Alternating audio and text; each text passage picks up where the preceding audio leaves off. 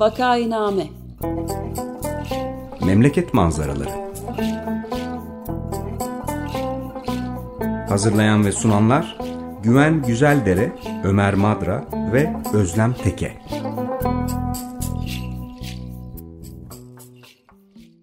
Günaydın, Vakainame'ye hoş geldiniz. 95 FM Açık Radyo'dasınız. Vakainame'yi Ömer Madra, Özlem Teke ve ben Güven Güzeldere birlikte hazırlayıp sunuyoruz. Bugün konuğumuz gıda mühendisi Doktor Bülent Şık.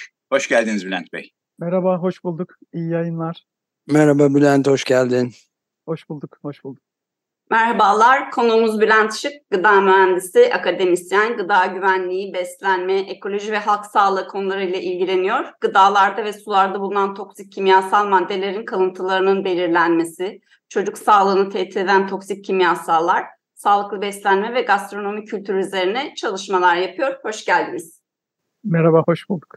Şimdi bugün çok yakında yayımlanmış olan Pestisit Atlası'ndan konuşmak istiyoruz. Bu Pestisit Atlası'nın e, bilimsel okumalarını siz yaptınız e, Bülent Bey. E, Heinrich Böll e, Vakfı'nın Türkiye temsilciliğinin desteğiyle yapılmış bir atlas. E, ücretsiz olarak e, PDF formatında indirmek de mümkün. Ben bu programın duyurusuna da koydum o bağlantıyı. İsteyen alıp oradan okuyabilir. E, bu atlasın alt başlığı tarımda kullanılan zehirler hakkında gerçekler ve rakamlar. Aslında son derece endişelenmemizi gerektiren şeyler anlatıyor bu atlas. Siz e, yıllardır kamu sağlığını tehlikeye sokan e, kimyasalların kullanımı hakkında işte halkı bilgilendirmeye çalışıyorsunuz ve e, ülkemizde hemen hiçbir iyiliğin e, cezasız kalmadığı gibi bu da pek cezasız kalmıyor. Bu yüzden çeşitli cezalara vuruyorsunuz filan. E, bu atlası da e, bu genel çerçeve içinde herhalde değerlendirmemiz lazım. İçinde e, diyor ki dünyada her yıl e, yaklaşık 385 milyon pestisit zehirlenmesi oluyor ve 11 bin kişi doğrudan bu zehirlenme nedeniyle hayatını kaybediyor. Müthiş bir sayı aslında. E, evet. Bu da önüne geçilemiyor çünkü işte bu zehirlerin, pestisitlerin e, bazı şirketlerin karını arttırması e, konusunda yardımcı olduğu düşünülüyor filan. Şimdi e, Ömer Madre yıllardır diyor ki e, ya bu pestisit denen şeye Türkçe'de böcek ilacı deniyor ama bunun ilaçla ilgisi yok. Çünkü ilaç aslında e, şifa veren, iyileştiren bir şey e, olmalı. E, bu zehir oysa e, siz de pestisit diye kullanmışsınız. Biz de belki herhalde öyle kullansak daha iyi olacak. E, Türkçeden başka dillerde var mı böyle bir ilaç kelimesinin bu şekilde kullanımını onu da bilmiyorum ama e, sık rastlanan bir şey olmadığına eminim en azından. E, bu pestisit atlası e, bizi alarme etmeli diye düşünüyorum. Yani bunu okuyan herkesin eyvah e, demesi lazım ve bu konulara bir, biraz daha dikkatini yoğunlaştırması lazım en azından. E, siz biraz bu atlasta neler e, ortaya koyduğunuzu anlatır mısınız? Elbette. Ee, şimdi Henrik Böll Stiftung Derneği e, daha önce de atlaslar yayınladı. İşte et atlası, toprak atlası, deniz atlası, kömür atlası e, olarak ve bu atlaslara da yine Henrik Böll e, Derneği'nin e, doğrudan internet sitesinden e, serbest olarak e, indirmek mümkün. E, Atlas'ın belli bir mantığı var ve yani temelde gözetilen şey şu, e, bir meseleyi ele alıp e, kamuoyuna e, ve kamuoyunun hani bu konuda hiç bilgisi olmadığını varsayarak olabildiğince basit, anlaşılır ve çok hani görselleştirmeye dayalı e, bir bilgi sunumuyla aktarmak. E, Pesit Atlası da bunlardan biri. E, Almanya'da hazırlanmış bir atlas. Akademik bir içeriğe sahip ama dediğim gibi olabildiğince görsel, e, basit, anlaşılır bir dil e, kullanımına çok özen gösterilmiş. E, Henrik Böll Derneği ile birlikte e, e, çevirisini e, gerçekleştirdi Henrik Böll Derneği ve burada e, gerek çeviri gerek redaksiyonda çok sayıda insan e, görev aldı. E, ben e, bilimsel tarafını okudum yani e, çevirinin ve e, Atlas'ı Almanya'da hazırlayan e, ekipten, yazarlardan izin alarak e, her bir e, bölüme 26 bölüm başlığı var. Türkiye ile ilgili bilgileri girmeye çabaladık. E, onlar da izin verince ortaya şöyle bir şey çıktı. İşte e, Almanya'daki durum, Avrupa Birliği ülkelerindeki durum, dünyadaki durumu anlatan bir e, atlasın içerisinde Türkiye verilerinde yer almasını sağlamış olduk ve bir tür kıyaslamalı e, genel ahvalde durum ne? Dünya genelinde işte Almanya odağında ya da Avrupa Birliği odağında durum ne? Türkiye'de durum ne? Bunları kıyas etme imkanımız oldu. Ve yine hani vurgulama gereği diyorum çok basit, dili çok anlaşılır. Hani buna çok özen gösterildiği için söylüyorum e, bir yayın. Ve e, sizin de vurguladığınız gibi hani tarımda kullanılan pestisitlerin pestisit işte zararlı öldüren hani çok ille de hani Türkçesini tam bulacaksak ama yaygın olarak yerleşmiş isimlendirme Türkçemizde e, e, tarım ilacı. Oysa e, ilaç değil bunlar. Yani e, yüksek düzeyde e, tehlikeli, toksik etkileri yüksek. Gerek insan sağlığına gerekse doğal hayattaki çok sayıda canlıya, toprak, su gibi fiziki ortamlardaki e, canlılara e, ciddi zararlar veren e, bir yanı var. E, ve hani tarım zehri demek e, çok daha uygun ve bu şekilde hani değerlendirmek de gerekli. E, hani kısaca şunu da vurgulamış olayım. Yani çok sayıda pestisit var. E, dünya genelinde bine yakın kullanılan e, aktif madde. Aktif madde dediğimde şunu anlamalıyız. E, zehirli etkiyi gösteren kimyasal molekül. Bin farklı dediğimizde binden farklı e, kimyasal yapıya sahip molekülü e, düşünelim. E, Türkiye'de izin verilen, kullanımına izin verilen e, e, kimyasal pestisit sayısı yaklaşık 350-400 aralığında değişiyor. E, bakanlık sitesinde 337 diyor ama e, yasaklı olan, hala kullanımda olanları da e, işin içine kattığımızda bu rakam yukarıya taşınıyor. E, dünya genelinde ülkelerin e, mevzuatları da birbirinden farklılık arz eder. Yani e, çok tehlikeli olup bizde izin verilmeyen ya da Almanya'da izin vermeyen bir pestisit e, kanserojen örneğin bir pestisit e, Brezilya'da kullanılabiliyor mesela. Bu konuda hani çevre mevzuatı, halk sağlığı mevzuatı ülkeden ülkeye farklılık arz etmesi e, nedeniyle e, ya da e, bazı ülkelerde bu tip mevzuatların hiç oluşturulmamış olması nedeniyle e, dünya genelinde çok tehlikeli, çok yüksek derecede toksik etkiye sahip bir takım pestisitlerin üretimi ve e, bu mevzuatı zayıf olan ülkelerde kullanımı e, devam ediyor. E, pestisit dediğimizde tarımda kullanılan zehirli maddeleri düşünmeliyiz dolayısıyla. Yani bu zehirli maddeler e, bir araziye ya da bir tarlaya ekilen ürün dışında kalan her şeyi ortadan kaldırmak, yok etmek için tasarlanır.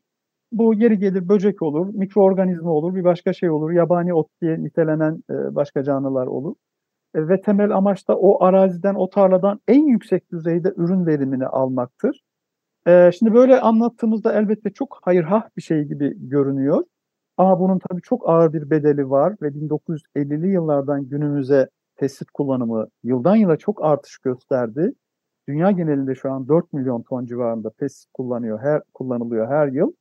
Ve e, gerek çevre sağlığı, gerek insan sağlığı, gerekse biyolojik çeşit kaybı vesaire gibi doğal hayatta e, küresel ölçekte seyreden büyük sorunlara e, pestisitlerin e, katkısı epeyce büyük. Hani ilk bir giriş olarak belki bunlardan söz etmek yerinde olur.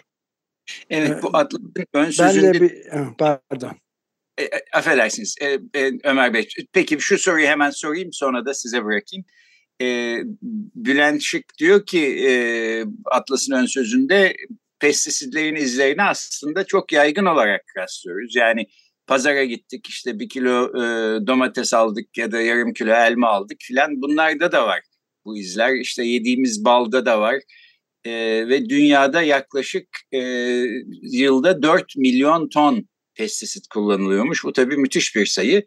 E, ama işte parayı izlersek bunun niye engellenemediğini de belki görmüş oluyoruz. E, bu yıl itibariyle yıllık 131 milyar dolara yakın e, büyüklükte bir bütçeden bahsediyoruz. Bu yüzden de diyorsunuz ki Avrupa aslında çifte standartlılık e, gösteriyor. Yani bir taraftan yasak getiriyor kullanımına bu pestisitlerin fakat bir taraftan e, üretimine engel olmuyor, ihraç ediyor, diğer ülkelere satıyor, buradan kar etmeye devam ediyor filan. Şimdi evet. e, bütün bunlar böyleyken ben de şöyle bir pratik soru sorup daha sonra Ömer Bey'e vereyim e, sözü, bırakayım sözü. E, yani peki işte pestisitlerin kullanımıyla e, yetiştirilmiş e, meyveler, sebzeler bir şeyler aldık pazardan. Bunları yıkayarak e, neyse e, bu pestisitlerin etkilerinden kurtulmamız mümkün mü? E, yoksa ne olursa olsun bu işte kanserojen etkilere, kötü etkilere e, maruz kalıyor muyuz? Evet. E, yıkamak, kabuk soymak e, bir miktar en azından yüzeyde olanları gidermede etkili. Ama e, çok sayıda pestisit var kullanılan yani birkaç yüz e, farklı e, kimyasal var ve biz çok e, çeşitli e, gıda ürünleri yiyoruz. Dolayısıyla hani e, kabuğu soyulabilen, yıkanmayan e, çok sayıda e, gıda üründe düşündüğümüzde e, bu şekilde kurtulmamız olanaksız. Kaldı ki bazı pestisitler doğrudan dokuya işler. Yani yüzeyde olmaz. E, gıda maddesinin içinde olur. Onu zaten e, uzaklaştırma imkanımız yok. E, pestisitlerden kurtulmanın en temel yolu e, agroekolojik yöntemleri e, bir kamusal politika yani ülke genelinde bir yaygın politika haline getirmek yani ekolojik tarımdan e, söz ediyorum. E, bu bu konuyla ilgili Dünya Tarım Örgütü'nün yaptığı çalışmalar var ve e, yüksek düzeyde kimyasal madde kullanmanın e, işte pestisit bunlardan biri, e, e, suni gübreler bunlardan biri ve mekanik tarım vesaire gibi hani günümüzde yaygın işte modern tarım diye adlandırdığımız uygulamalar bütününün e, aslında organik, ekolojik ya da agroekolojik dediğimiz tarımsal tekniklere kıyasla verimlilik üzerinde çok az etkisi olduğunu söylüyor. Doğrudan Dünya Tarım Örgütü söylüyor bunu ve e, biliyorsunuz hani muhafazakar bir örgüttür aslında ihtiyatlı açıklamalar yapar. E, bazı çalışmalar var e, işte ekolojik tarımla yani toksik kimyasal kullanımına yaslanmayan, onun kullanımını çok minimize etmiş ya da kullanımın sınırlanmış e, tarımsal yöntemlerle mevcut toksik kimyasal kullanımına dayalı zehirli kimyevi maddelerin kullanıldığı tarım tekniklerinin veriminin kıyas edildiği çalışmalar var. E, arada e, ki e, fark yüzde ondan az yani e, bu kadar kimyevi madde kullanılmasına rağmen ekolojik e, tarıma kıyasla yüzde onluk bir artı e, sağlıyor. E, ama öte taraftan e, bazı çalışmalarda diyor ki tamam hani yüzde on, onda birlik bir e, fark var. E, ama bunun yarattığı bir çevresel yıkım var, biyolojik çeşitlilik kaybı var, yaygın küresel ölçekte seyreden toksik madde kirliliği ve elbette sağlık zararları var. Bunları da diyor işin içerisine kattığımızda aslında tarımsal üretimde bu kadar yoğun hani e, toksik madde kullanımı gerçekten son derece mantıksız, ekonomik de olmayan, büyük ölçüde iktisadi açıdan da zarar yaratan bir faaliyete dönüşüyor. Ee, burada tabii hemen söyleyeyim akla şey gelebilir. Yani Türkiye'de agroekolojik tarım nedir? İşte Avrupa'da nedir? Dünyada nedir? Ee, agroekolojik tarım dünyanın hala üçte ikisi e, yiyeceğini agroekolojik yöntemlerle sağlıyor. İşte küçük çiftçilerin e, organik yöntemlerle yetiştiricilik yaptığı e, bir süreçten söz ediyorum. Dolayısıyla hani yeni keşfedilmiş bir şey değil, onu vurgulamalıyım. E, bizim ülkemizdeki payı son derece düşük. Yani e, tarımsal üretimin içerisinde ekolojik tarımın payı binde sekiz yani yüzde birden az ve bu bize aslında ekolojik bir tarım politikasının Türkiye'de olmadığını da gösterir. Zaten yok öyle bir politikamız da yok ne yazık ki. Ee, ama bunun yaygınlaşması ve toksik madde kullanımına dayalı bu tarımsal üretim yöntemlerinden aşama aşama uzaklaşılması gerekiyor. Bu hem sağlıklı gıda üretimi için gerekli, hem biyolojik çeşitliliği korumak için gerekli, hem de Türkiye'de su kirliliğini ve toprağın organik madde e, kapasitesini, organik madde kapasitesi gıda üretimi için bir e, gerekliliktir çünkü. Onu artırmak için de e, gerekli. E, bir tane e, Ömer Bey siz sıklıkla dile getiriyorsunuz zaman zaman programlarda. Aslında agroekolojik yöntemler sadece toksik kimyevi madde kullanımını sınırlayan, azaltan veya ortadan kaldıran yöntemler değildir. Toprağın organik e, madde tutumunu da artırır. Yani karbon tutumunu da artırır. E, dolayısıyla iklim kriziyle ilgili karbon emisyonlarından kaynaklı o emisyonları azaltmaya yönelik bir pratik uygulamadır bir yandan ve e, bu konuda çok sayıda yani akademik e, çalışmada bu şiddetle önerilir, vurgulanır. Yani işin bir sağlık tarafı var, bir iklim kriziyle ilgili tarafı var, biyolojik çeşitliliği korumayla ilgili tarafı var. E, hangi çerçeveden baksak pestisit kullanımının bu kadar yoğun olması neredeyse e, ülke genelinde %99'dan fazlasında tarımsal üretimin yaygın kullanılan bir e, teknik olması e, gerçekten e, üzücü, mantıklı bir yanı da yok. Evet ben, tamam. ben de bu sırada şeyden bahsetmek istiyordum yani Güven Güzeldere'nin de sözünü ettiği işte bu ilaç denmesi e, sanki e, böcekler hastalanmış gibi filan oluyor. Yani zararlı sayılan şeyler. Ama bu kullanım aslında basit bir e, şey ifade etmiyor çelişkiyi. Aslında ilaç denmesi derman anlamına gelen Arapça kökenine baktığım zaman gördüğüm gibi bunun kullanılmaması aslında çok daha başka bir bağlantılı başka bir şeyle bağlantılandırılabilir gibi geliyor bana dedim. Bir türlü söyleyemedim. Yani ta İkinci Dünya Savaşı'ndan sonraki PR endüstrisi, halkla ilişkiler endüstrisinin tütün kullanımı konusundaki reklamlarında kullandığı gibi yani burada bu ilaç teriminin yerleştirilmesi ve zararsızmış gibi gösterilmesi çok büyük başka bir şeyi örtüyor gibi geliyor ve bu da e, yani bir ikinci durumda ben onu da sormak istiyordum. İnsan sağlığına işte zararlı geliyor diye düşünülüyor ama bu Heinrich Böll e, bu Atlas'ta çok net olarak e, ortaya konduğu gibi aslında bayağı terimlerin de belirttiği gibi e, bir kıyamete, ekolojik mahşere doğru pestisitle geliyor gibi terimler kullanılıyor ve oldukça haklı. Yani biyolojik çeşitlilik hayatın en temel kaynaklarından bir tanesi benim bildiğim. Tabii ki. Onun da ortadan kaldırılacağı ve dünyanın yok oluşuna e, hizmet sadece insan sağlığıyla gündelik meyveleri, şu sebzeleri yıkamakla e, filan ilgili değil. Bütün tarım, bütün gıda e, şeyinin bir yıkıma gideceği gibi de bir şey var. Bilmiyorum abartıyor muyum ama bunu söylemek Kesinlikle istedim. abartmıyorsunuz. E, bu konuda e, Atlas'ta çok güzel bilgiler var. E, Türkiye ile ilgili de elden geldiğince e, bilgileri eklemeye çabaladık. E, şimdi biz mesela ülkemizde çok e, basında yer alır. İşte Aydın'da bal arıları e, kolonilerinde e, ölümler oldu ya da Muğla'da ya da işte başka bir yerde. Türkiye'de balcılık epeyce e, büyük bir sektördür. Ve işte buna e, tarım ilacı yani tırnak içinde söylüyorum tar tarım tarım zehrinin yol açtığına ilişkin gazete haberleri e, çıkar. Tabii biz bal arılarıyla bir ilişkimiz hani iktisadi bir ilişki kurduğu için e, bir sektör olduğu için e, duyarlılık çok fazla. E, aman bal arıları ölmesin diye düşünülür doğru. Ama aslında bal arıları tabiatta tozlaşmayı sağlayan yani bitkisel üretimin, beslenmenin, gıda üretiminin devamlılığını üzerinde çok önemli payı olan uçucu böceklerin bir parçasıdır. Oradaki türlerden biridir. E bu, bu bitkisel üretim, gıda üretiminin hani arılar yoksa işte üçte biri yok olacak denir. Muhtemelen bundan daha da fazla oran. Çünkü tabiatta arı gibi tozlaşma yapan, e, gıda üretimine destek olan, e, ekolojik yarar sağlayan e, böcek türü sayısı 200 bin uçucu böcek sayısı. Balarısı bunlardan sadece bir tanesi. Dolayısıyla arıların ölümünü biz aslında bir gösterge, işlerin yolunda gitmediğine ilişkin bir sinyal olarak görmemiz gerekir. E, ve doğrusu da budur. E, Almanya'da yapılan çalışmalar var. Çok korunaklı alanlarda dahi, işte parklar, milli parklar gibi e, uçucu böceklerin e, sayısında ciddi düşmeler, azalmalar var ve e, doğrudan pestisitlerle ilişkilendiriliyor bu. Sadece böcekler de değil Ömer Hocam. Yani kuşlar mesela çok zarar görüyor. Dünya genelinde kuş nüfusunda çeşitli kuş türlerinde serçeler başta olmak üzere e, popülasyonlarında yani nüfuslarında sayılarında çok ciddi azalmalar var yine pestisitlerle ilgili.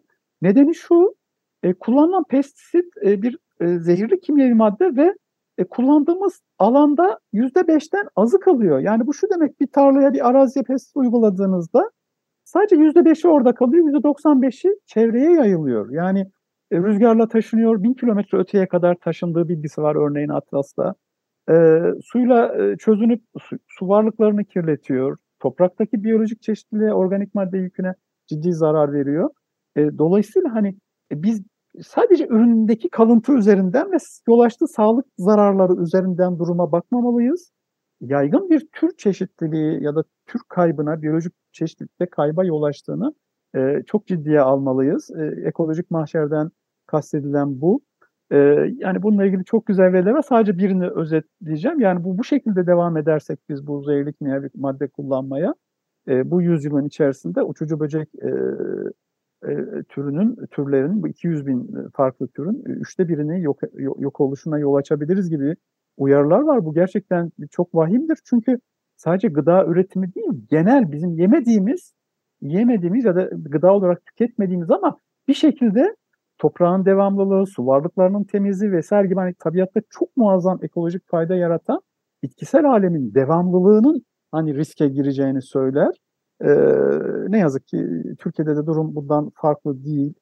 Ee, gerek e, toprakta gerekse su varlıklarında e, pestisit kirliliğini gösteren bir takım çalışmalar var, akademik çalışmalar var. Bununla ilgili bilgiler de Atlas'ta yer alıyor. E, dünyada e, bu hani bu süreçten ari kalmış bir ülke var mıdır derseniz gerçekten bunun yanıtını vermek çok zor. Giderek çünkü yaygınlaşan e, müthiş bir halkla ilişkiler başarısı diyebiliriz. Başka bir şey neyse ya onun adı. E, ama bu bir piyasa sürekli genişliyor yıldan yıla. Yüzde üç beş sürekli bir büyüme söz konusu. Ama sonuçta hani e, bu gidişat bir yerde tıkanacak yani şu an e, onun emareleri fazlasıyla gözümüzün önünde duruyor. E, ve bu belirtileri, sinyalleri tabii ciddiye almak ve e, ekolojik perspektiften bir gıda üretimini mutlak surette bir yaygın, kamusal, ülke genelinde uygulanan bir bir yaklaşım, bir politik yaklaşım haline e, getirmek zor, zorundayız. Yoksa e, toprak aşınıyor, su varlıklarımız kirleniyor, biyolojik çeşitlilik e, zarar görüyor. E, biz nasıl hayatta kalacağız? Kalamayız yani. Böyle bir böyle bir durumun içinde değiliz. E, üzücü olan çözüm var e, muazzam bir teknik imkan ve bilgi birikimi var çözüm odaklı.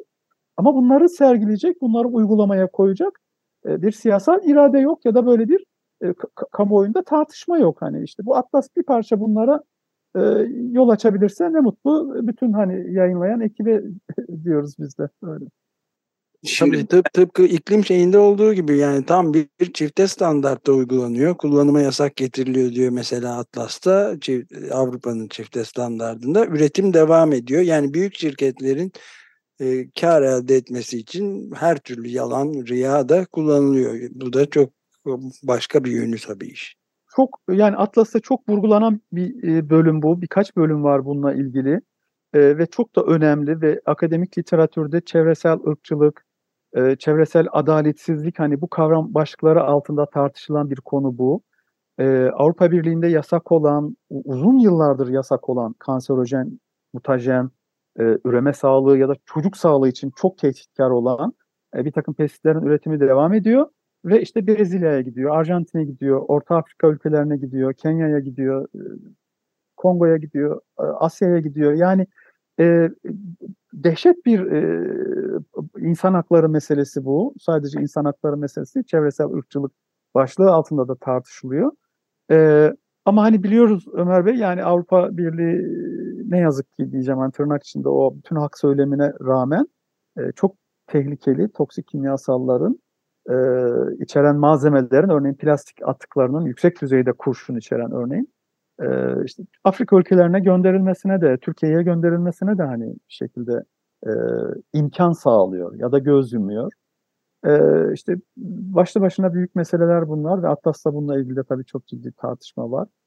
E, yine hani e, vaktimiz azalıyor. Çocuk sağlığı ile ilgili bir tartışma var. Çok önemli çünkü toksik kimyasallar özellikle gelişme çağındaki anne karnından başlayıp 12 yaşa kadar uzanan, yine anne karnından başlayıp ilk birkaç yaşı kapsayan dönemde e, olağanüstü büyük etkilere sahip, yaşam üzerinde gerçekten damgalayıcı, ileri yaşlarda karşımıza ne tür hastalıklar çıkacak, o birey hangi hastalıklara yakalanma ihtimali işte bu kimyasallara, toksik maddelere maruz kaldığında artıyor. Bunu söyleyen çalışmalar var.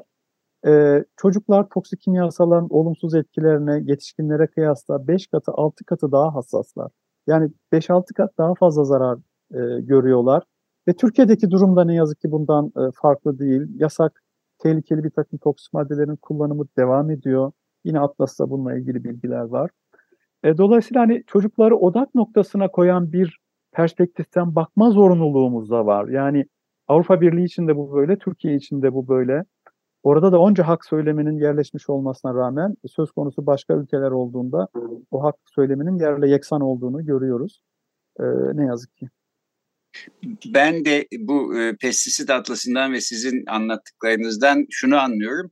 pestisitlerin bizim e, sağlığımız üstünde yarattığı tehdide karşı e, bireysel olarak aslında e, mücadele etmemiz ve bu mücadeleyi tamamıyla kazanmamız imkansız. Yani işte e, pazardan domates aldık, evde geldik, iyi yıkadık dolayısıyla sorun kalmadı falan diyemiyoruz. Burada çözüm için siyasi bir irade ve siyasi bir karar gerekiyor.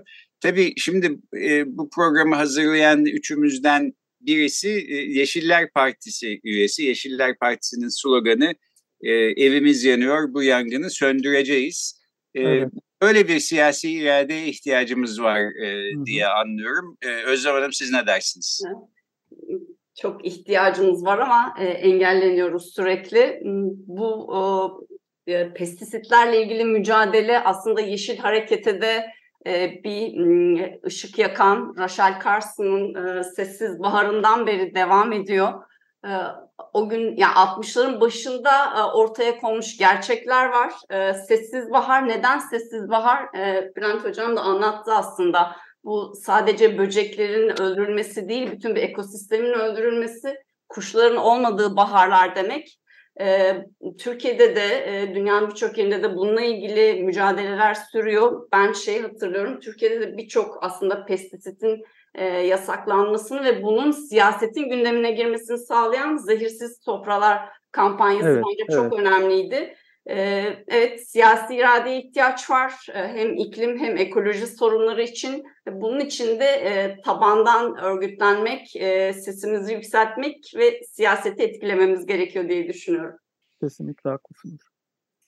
Galiba sürenin de sonuna geldik. Süremizi bitirdik. Böylece programı e, o halde noktalayalım.